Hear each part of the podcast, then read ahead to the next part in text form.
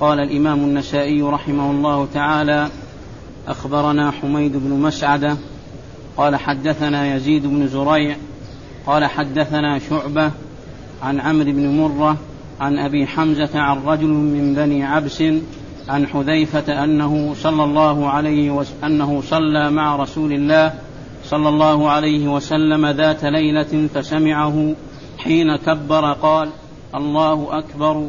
ذا الجبروت والملكوت والكبرياء والعظمة وكان يقول في ركوعه سبحان ربي العظيم. وإذا رفع رأسه من الركوع قال لربي الحمد لربي الحمد وفي سجوده سبحان ربي الأعلى وبين السجدتين رب اغفر لي رب اغفر لي. وكان قيامه وركوعه وإذا رفع رأسه من الركوع وسجوده وما بين السجدتين قريبا من السواء. إيش الباب اللي أوله؟ باب ما يقول في قيامه. في ذلك أي في الركوع بابه؟ باب ما يقول في قيامه ذلك. نعم بسم الله الرحمن الرحيم. الحمد لله رب العالمين وصلى الله وسلم وبارك على عبده ورسوله نبينا محمد وعلى آله وأصحابه أجمعين. أما بعد يقول النسائي رحمه الله باب ما يقول في قيامه ذلك يعني القيام الذي بعد الركوع وقبل السجود عندما يرفع من الركوع القول الذي يقوله يعني في ذلك القيام هذه هي الترجمة. وقد مر بعض الأحاديث الدالة على ترجمة على الترجمة. ثم ورد النسائي حديث حذيفة بن اليمان رضي الله تعالى عنه أنه صلى أو أنه جاء إلى أنه صلى نعم. صلى؟ صلى ذات ليلة. أنه صلى ذات ليلة مع رسول الله صلى الله عليه وسلم فسمعه يقول حين حين أراد أن يكبر الله أكبر الجبروت والملكوت والكبرياء والعظمة. وثم بعد ذلك ثم ركع. ثم ركع. كان يقول في ركوعه؟ سبحان ربي العظيم. أيوه. نعم وإذا رفع رأسه من الركوع قال لربي الحمد لربي الحمد. وكان يقول في ركوعه سبحان ربي العظيم وإذا رفع إذا رفع قال لربي الحمد لربي الحمد.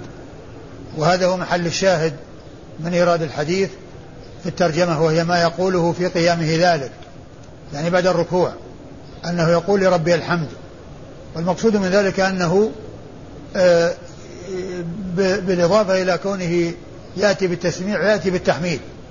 والتحميد جاء بألفاظ منها ربنا ولك الحمد حمدا كثيرا طيبا مباركا فيه ومنها ربنا ولك الحمد حمدا كثيرا طيبا مباركا من السماوات والأرض ومن ما شئت من شيء بعد. وأحق ما قال العبد وكل لك, لك عبد. لا مانع لما أعطيته ولا معطي لما منعته ولا ينفع إذا الجد منك الجد. ومنها هذا اللفظ الذي جاء في حديث حذيفة لربي الحمد لربي الحمد. الحاصل أن مما يقوله المصلي في ما بعد الركوع وقبل السجود هو التحميد يحمد الله عز وجل ويثني عليه بما هو أهله سبحانه وتعالى. ثم يسجد ويقول سبحان ربي الأعلى. وبين السجدتين يقول رب اغفر لي رب اغفر لي. وكان قيامه وركوعه و وكان قيامه وركوعه. كان قيامه وركوعه وإذا رفع رأسه من الركوع وسجوده وما بين السجدتين قريبا من السواء وكان قيامه وركوعه وسجوده وإذا رفع من الركوع وسجوده و وما بين السجدتين. وما بين السجدتين قريبا من السواء.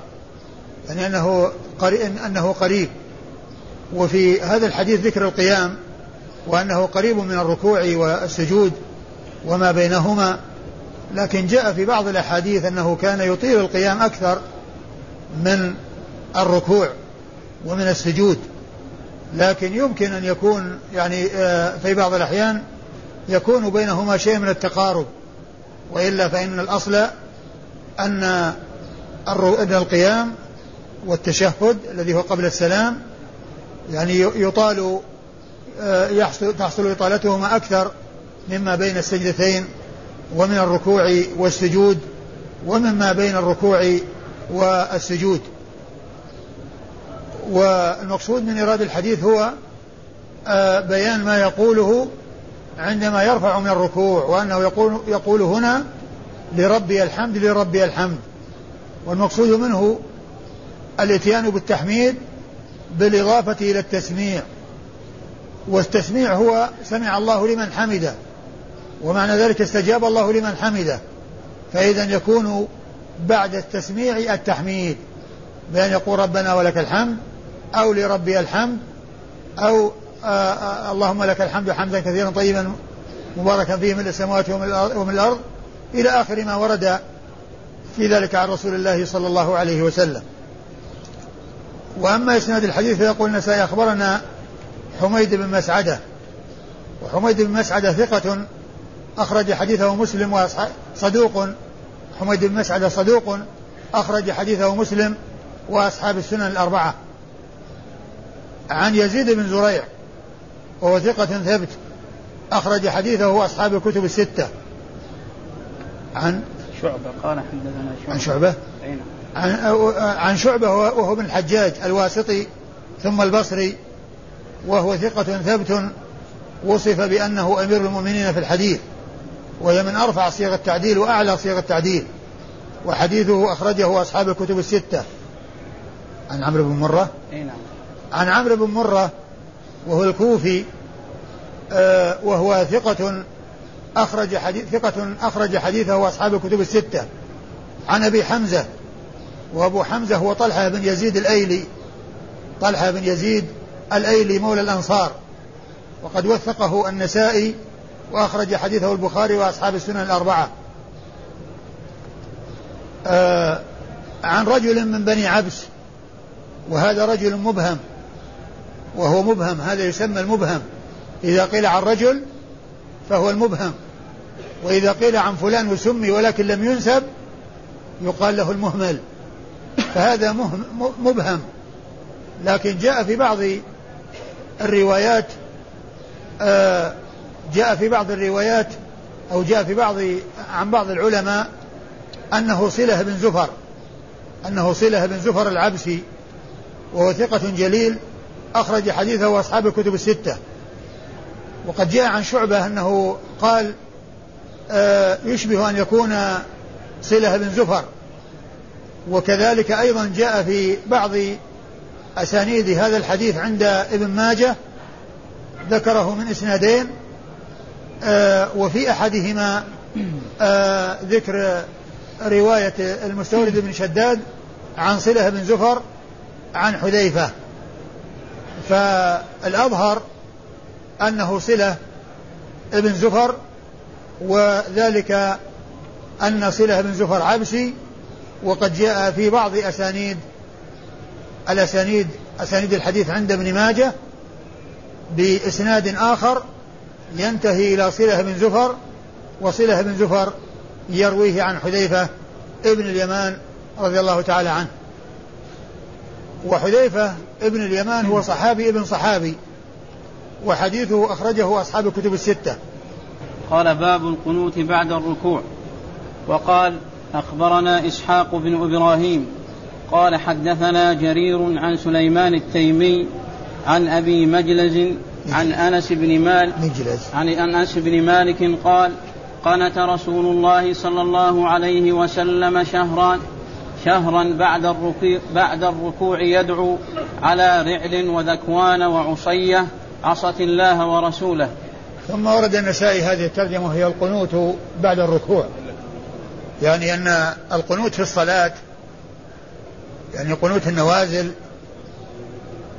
وهو الذي أورده النسائي هنا لأنه يتعلق بصفة الصلاة والصلاة المفروضة يشرع القنوت فيها في بعض الأحيان عندما عندما تنزل نازلة يلجأ المسلمون فيها إلى الله عز وجل أن يكشفها وأن يزيلها وأن و فكان يعني آه، شرع ذلك في الصلوات المكتوبة والترجمة هي القنوت بعد الركوع وأنه يكون بعد الركوع وأنه يكون بعد الركوع. وقد أورد النسائي حديث أنس بن مالك رضي الله عنه أن النبي عليه الصلاة والسلام قنت شهرا يدعو على رعل وذكوان وعصية عصت الله ورسوله وهي قبائل من العرب اشتد أذاهم للمسلمين فدعا عليهم النبي الكريم صلى الله عليه وسلم في صلاته وفي آه القنوت وكان ذلك بعد الركوع يعني بعد بعد الرفع من الركوع وكونه يحمد الله عز وجل يأتي بذلك يأتي بهذا الدعاء الذي كان يدعو على أناس ويدعو إلى ويدعو لأناس. يعني في بعض الأحاديث يدعو لأناس من المسلمين المستضعفين ويدعو على أناس من المستكبرين. المعاندين المعارضين لدعوته المؤذنين المؤذين لأتباعه صلى الله عليه وسلم. فرعل وذكوان يعني من قبائل العرب وعصية أيضا كذلك وقوله عصت الله ورسوله المراد به أن هؤلاء الذين دعوا عليهم دعا عليهم أنهم عصوا الله ورسوله وقد جاء ذكر آه هذا الوصف بعد عصية لأن هناك جناس وتناسب لأنه لأنهم عصية و آه وكذلك وصفوا بأنهم عصوا الله ورسوله صلى الله عليه وسلم. الحاصل أن فيه مشروعية القنوت في النوازل وفيما إذا حصل على المسلمين ضرر يعني عظيم فإنه يشرع الدعاء في الصلاة بعد الركوع الذي يسمى القنوت. و آه وإسناد الحديث يقول النسائي أخبرنا إسحاق بن إبراهيم. أخبرنا إسحاق بن إبراهيم وهو ابن مخلد المشهور بابن راهوية الحنظلي المروزي وهو ثقة فقيه آه وصف بأنه أمير المؤمنين في الحديث وهي من أعلى صيغ التعديل. وأرفع صيغ التعديل فهو محدث فقيه وإمام مجتهد و آه وصف بهذا الوصف ولقب بهذا اللقب الرفيع الذي هو أمير المؤمنين في الحديث. والذين ظفروا بهذا اللقب من المحدثين قلة قليلة وإسحاق بن راهوية من هؤلاء. وقد أخرج حديثه أصحاب الكتب الستة إلا ابن ماجه فإنه لم يخرج له شيئا. قال حدثنا جرير. قال حدثني جرير هو بن عبد الحميد. جرير بن عبد الحميد. وهو ثقة أخرج حديثه أصحاب الكتب الستة. عن عن سليمان التيمي. عن سليمان التيمي وهو سليمان بن طرخان. سليمان بن طرخان التيمي وهو ثقة أخرج حديثه أصحاب الكتب الستة أيضا. عن أبي مجلس. عن أبي مجلز وهو لاحق بن حميد. الكوفي وهو ثقة أخرج حديثه أصحاب الكتب الستة وهو مشهور بكنيته أبو مجلز. عن أنس بن مالك. عن أنس بن مالك رضي الله تعالى عنه صاحب رسول الله صلى الله عليه وسلم وخادمه الذي خدمه عشر سنوات منذ قدم رسول الله عليه الصلاة والسلام إلى المدينة حتى توفاه الله وهو يخدمه وهو أحد السبعة المكثرين من رواية حديث رسول الله صلى الله عليه وسلم. قال باب القنوت في صلاة الصبح. وقال أخبرنا قتيبة قال حدثنا حماد عن أيوب عن ابن سيرين أن أنس بن مالك سئل هل قنت رسول الله صلى الله عليه وسلم في صلاة الصبح؟ قال نعم فقيل له قبل الركوع أو بعده. قال بعد الركوع. ثم ورد النسائي هذه الترجمة وهي القنوت في صلاة الصبح. وهي شاهدة للترجمة التي قبلها أيضا من حيث أنه آه أن فيه إثبات القنوت بعد الركوع والترجمة السابقة القنوت بعد الركوع وهنا في صلاة الصبح وأيضا بعد الركوع. لكن عقد النسائي الترجمة لإثبات القنوت بعد الركوع وعقد هذه لإثبات القنوت في صلاة الصبح. وورد حديث أنس بن مالك رضي الله عنه أن أنسا سئل أن قنت رسول الله صلى الله عليه وسلم في صلاة الصبح؟ قال نعم. قيل أبعد الركوع أم قبله قال بعد الركوع. ففيه إثبات ما ترجع ففيه الاستدلال أو الدلالة على ما ترجم له المصنف وهو القنوت في صلاة الصبح وإثباته في صلاة الصبح. وفيه أيضا الدلالة على الترجمة السابقة لهذه الترجمة وهي أن القنوت يكون بعد الركوع. وأما إسناد الحديث فيقول النسائي أخبرنا قتيبة. أخبرنا قتيبة وهو ابن جميل ابن سعيد بن جميل بن طريف البغلاني ثقة ثبت أخرج حديثه أصحاب الكتب الستة. عن حماد. قال حدثنا حماد. قال حدثنا حماد وهنا حماد مهمل غير منسوب. ويحتمل أو الذي يتبادر إلى الذهن شخصان هما ابن عيينة ابن, ابن سلمة وابن زيد حماد بن زيد وحماد بن سلمة. هذان هما الحمادان اللذان في بلد واحد وفي وقت واحد واشتركا في الشيوخ والتلاميذ و آه، يأتي إهمالهما كثيرا وعدم نسبة الراوي منهما بل يكتفى بذكر حماد. ومن المعلوم أن الطريقة التي يتوصل بها إلى معرفة المهمل أن أن يعرف الشيوخ والتلاميذ هل هؤلاء هل هذا التلميذ الذي روى عن حماد الذي هو غير منسوب هل روى عن حماد بن زيد وعن حماد بن سلمة جميعا أو روى عن واحد منهما؟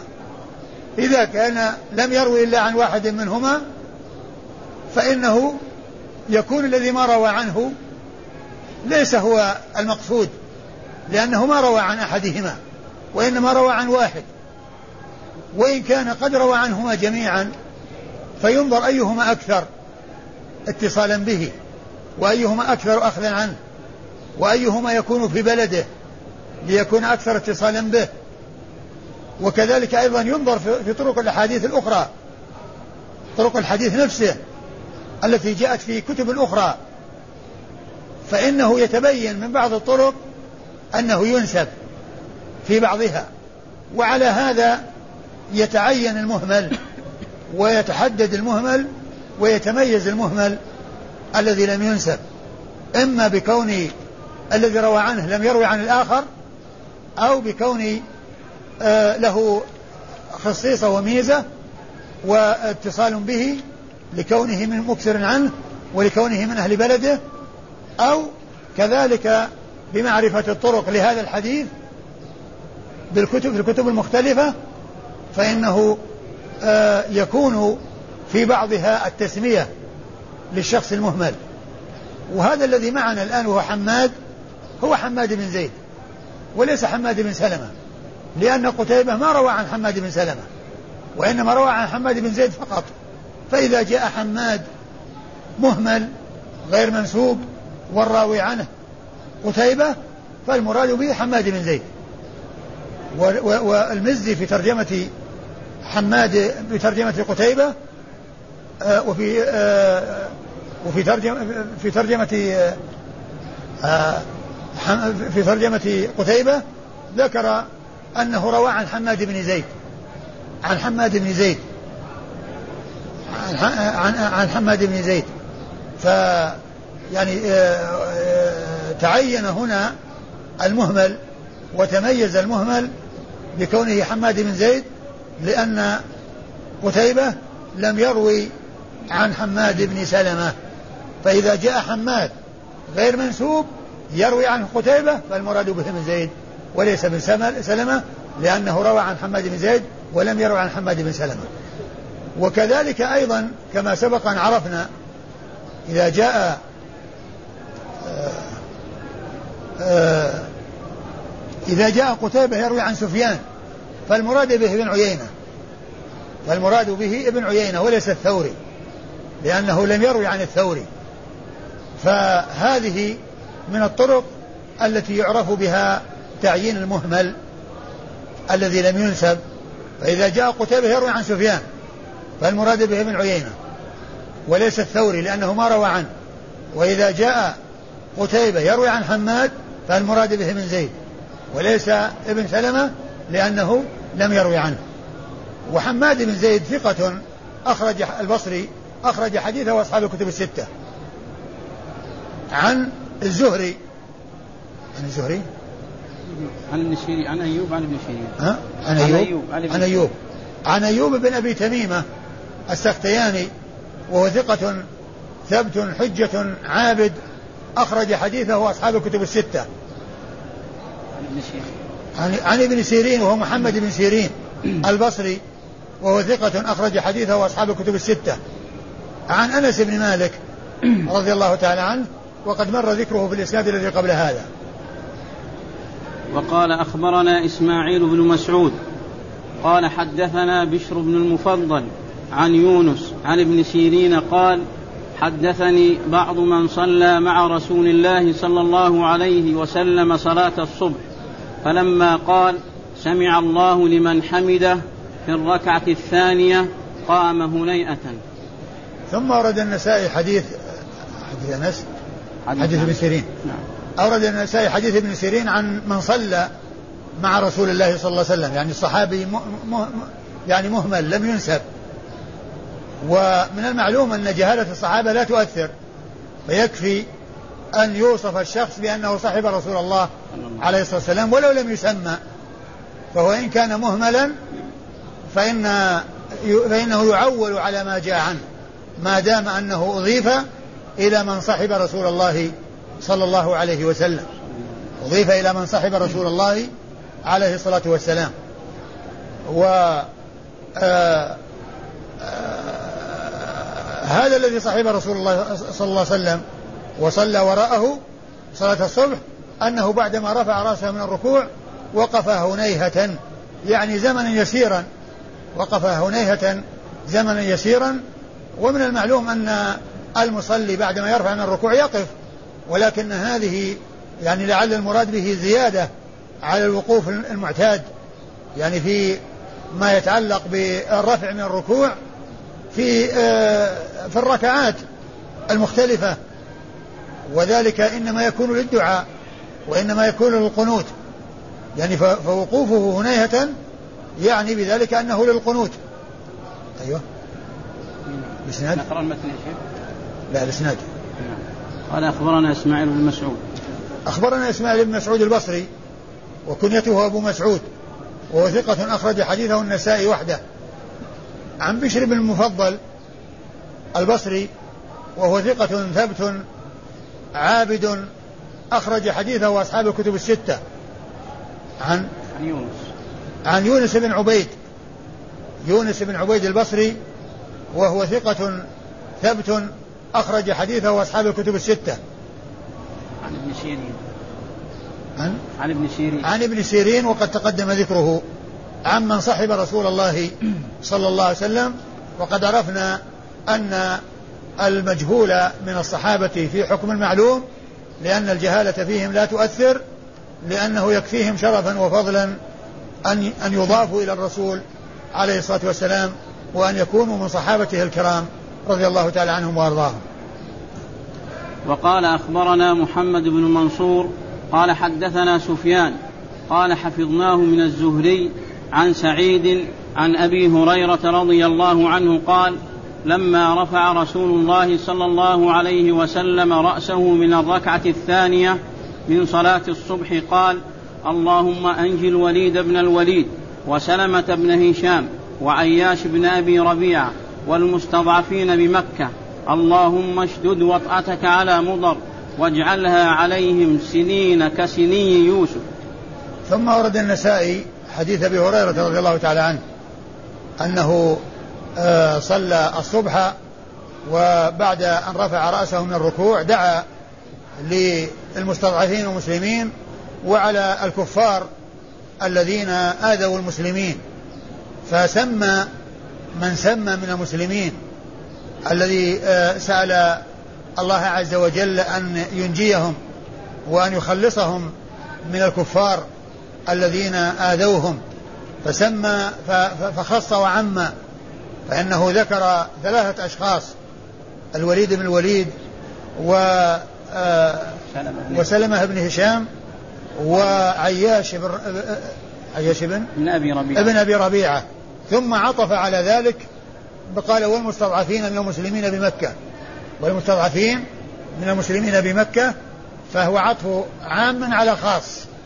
يعني سمى خص وعم ثم دعا على كفار مضر. وقال اللهم اشدد وطأتك على مضر وجعلها عليهم سنين كسني يوسف. بمعنى أنه دعا عليهم لأنهم آذوا المسلمين واشتدت عداوتهم لهم وآذوا أصحاب رسول الله عليه الصلاة والسلام وعذبوهم فدعا رسول الله عليه الصلاة والسلام في قنوته للمستضعفين من المسلمين وعلى المستكبرين من الكفار الذين آذوا المسلمين. ودعا عليهم بأن آه، آه، آه، يحصل لهم سنين كسني يوسف يعني من القحط والجدب الذي يشغلهم بالبحث عن القوت وعن الطعام ويشغلهم عن إيذاء المسلمين من المستضعفين الذين لم يتمكنوا من الهجرة إلى رسول الله عليه الصلاة والسلام في آه، آه، في المدينة. وكان عليه الصلاة والسلام يدعو لأناس وعلى أناس. يدعو لأناس وعلى أناس. على أناس كفار آذوا المسلمين وعذبوهم وعلى أناس من المسلمين من المسلمين المستضعفين. قال أخبرنا محمد بن منصور. أخبرنا محمد بن منصور وهو الجواز المكي. وقد عرفنا سابقا أن ممن يسمى محمد بن منصور من شيوخ النسائي شخصان.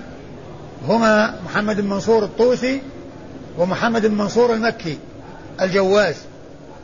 و يعني آه، ومحمد بن منصور الجواز يعني روى وكل من من محمد بن منصور الطوسي ومحمد بن منصور الجواز روي عن سفيان.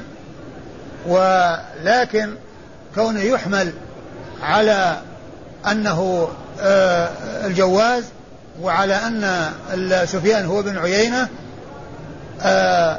آه، آه، هو هو هو, هو الأظهر وهو الأقرب وذلك أن محمد بن منصور مكي وسفيان بن عيينة مكي وإذا كان الشخص من أهل البلد يكون هو المعني عند الإهمال وعند عدم التمييز فيحمل على من يكون له ملازمة للشخص الذي روى عنه. ثم أيضا آه، ابن عيينة هو الذي يروي عن الزهري. وهو هنا يروي عن الزهري فالمراد به ابن عيينة وليس الثوري. المراد به ابن عيينة وليس الثوري لأن سفيان ابن عيينة آه، هو الذي روى عن الزهري. وأما سفيان الثوري فلم يكن معروفا بالرواية عنه وقد ذكر الحافظ بن حجر أن روايته عن الزهري إنما هي بواسطة أنه لا لم يروي عنه مباشرة وإنما روايته عنه بالواسطة. فإذا يحمل سفيان على أنه بن عيينة لأنه هو الذي المعروف بالرواية عن الزهري.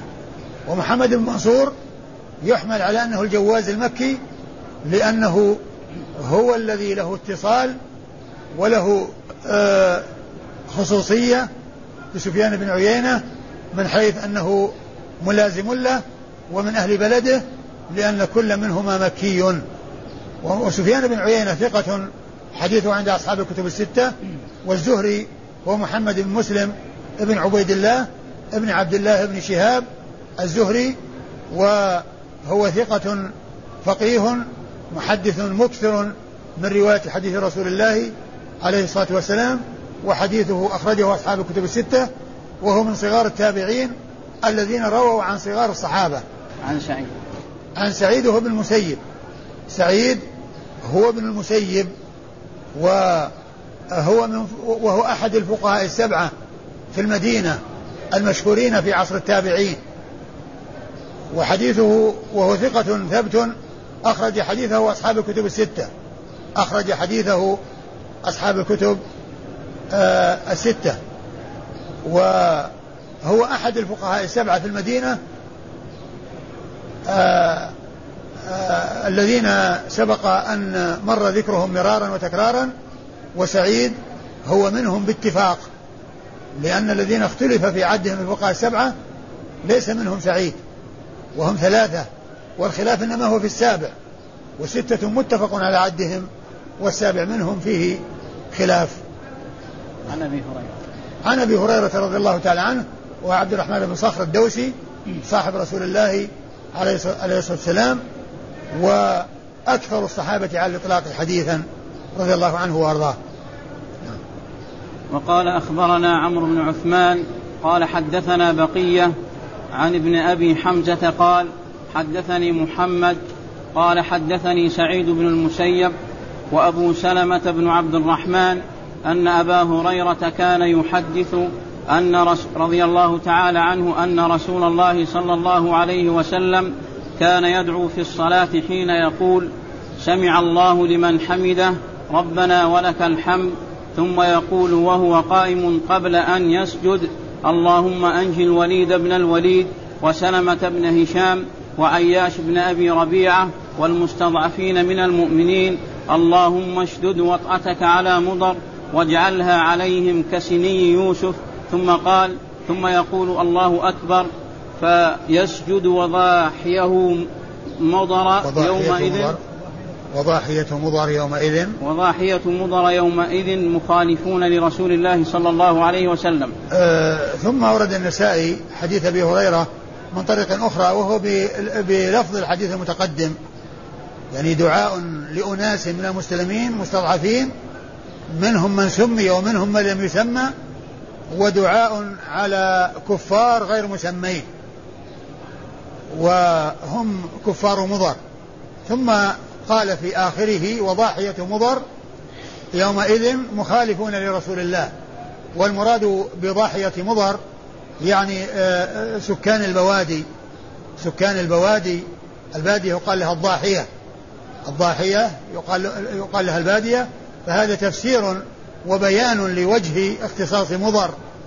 وقد آه، وقد ومن المعلوم أن أن مضر يعني من من عرفوا أو كفار مضر ممن عرفوا بكثرة محاربتهم للمسلمين الذين دخلوا في الإسلام أولا.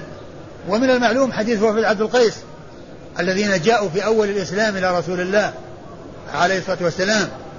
يعني جاءوا لما جاءوا إليه في المدينة ويعني آه قالوا له وطلبوا منه أن يوصيهم وأن يبين لهم يعني أمور دينهم.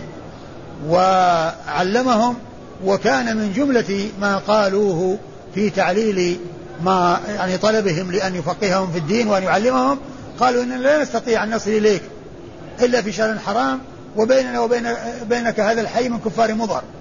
وبيننا وبينك الحي من كفار مضر. يعني معناه أن أن شدة عداوتهم ومخالفتهم للرسول صلى الله عليه وسلم وإيذائهم لأصحابه الذين دخلوا في دينه وقالوا إننا لا نصل إليك إلا في شهر حرام. وبينه وبينك هذا الحي من كفار مضر. يعني أنهم آه، لا نتمكن بسبب إيذائهم من الوصول إليك. وإنما نأتي في الشهر الحرام الذي يحترمونه ولا يحصل منهم القتال فيه احتراما لتلك الأشهر الحرم. آه، فهذا تفسير وبيان لوجه الدعوة على آه، مضر. وعلى كفار مضر إسناد؟ عمرو بن عثمان. أخبرنا عمرو بن عثمان. وهو عمرو بن عثمان بن سعيد بن كثير بن دينار الحمصي وهو صدوق أخرج حديثه أبو داود والنسائي وابن ماجه. قال حدثنا بقية. حدثنا بقية هو ابن الوليد. وهو صدوق كثير التدليس, كثير التدليس عن الضعفاء. وحديثه أخرجه البخاري تعليقا ومسلم. وأصحاب السنن الأربعة. عن ابن أبي حمزة. عن ابن أبي حمزة وهو شعيب. ابن أبي حمزة الحمصي وهو ثقة أخرج حديثه أصحاب الكتب الستة. قال حدثني محمد. قال حدثني محمد وهو بن سيرين. وقد تقدم ذكره عن أبي هريرة. قال حدثني سعيد بن المسيب. آه قال حدثني سعيد بن المسيب وقد تقدم ذكره. وأبو, وأبو سلمة. وهو بن عبد الرحمن بن عوف.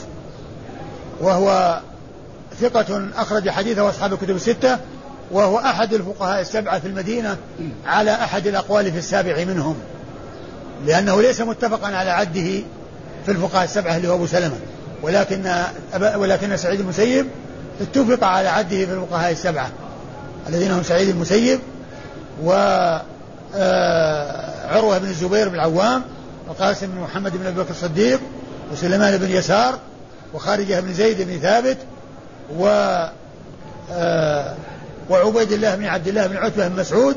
هؤلاء ستة متفق على عدهم من الفقهاء السبعة. أما السابع ففيه ثلاث أقوال.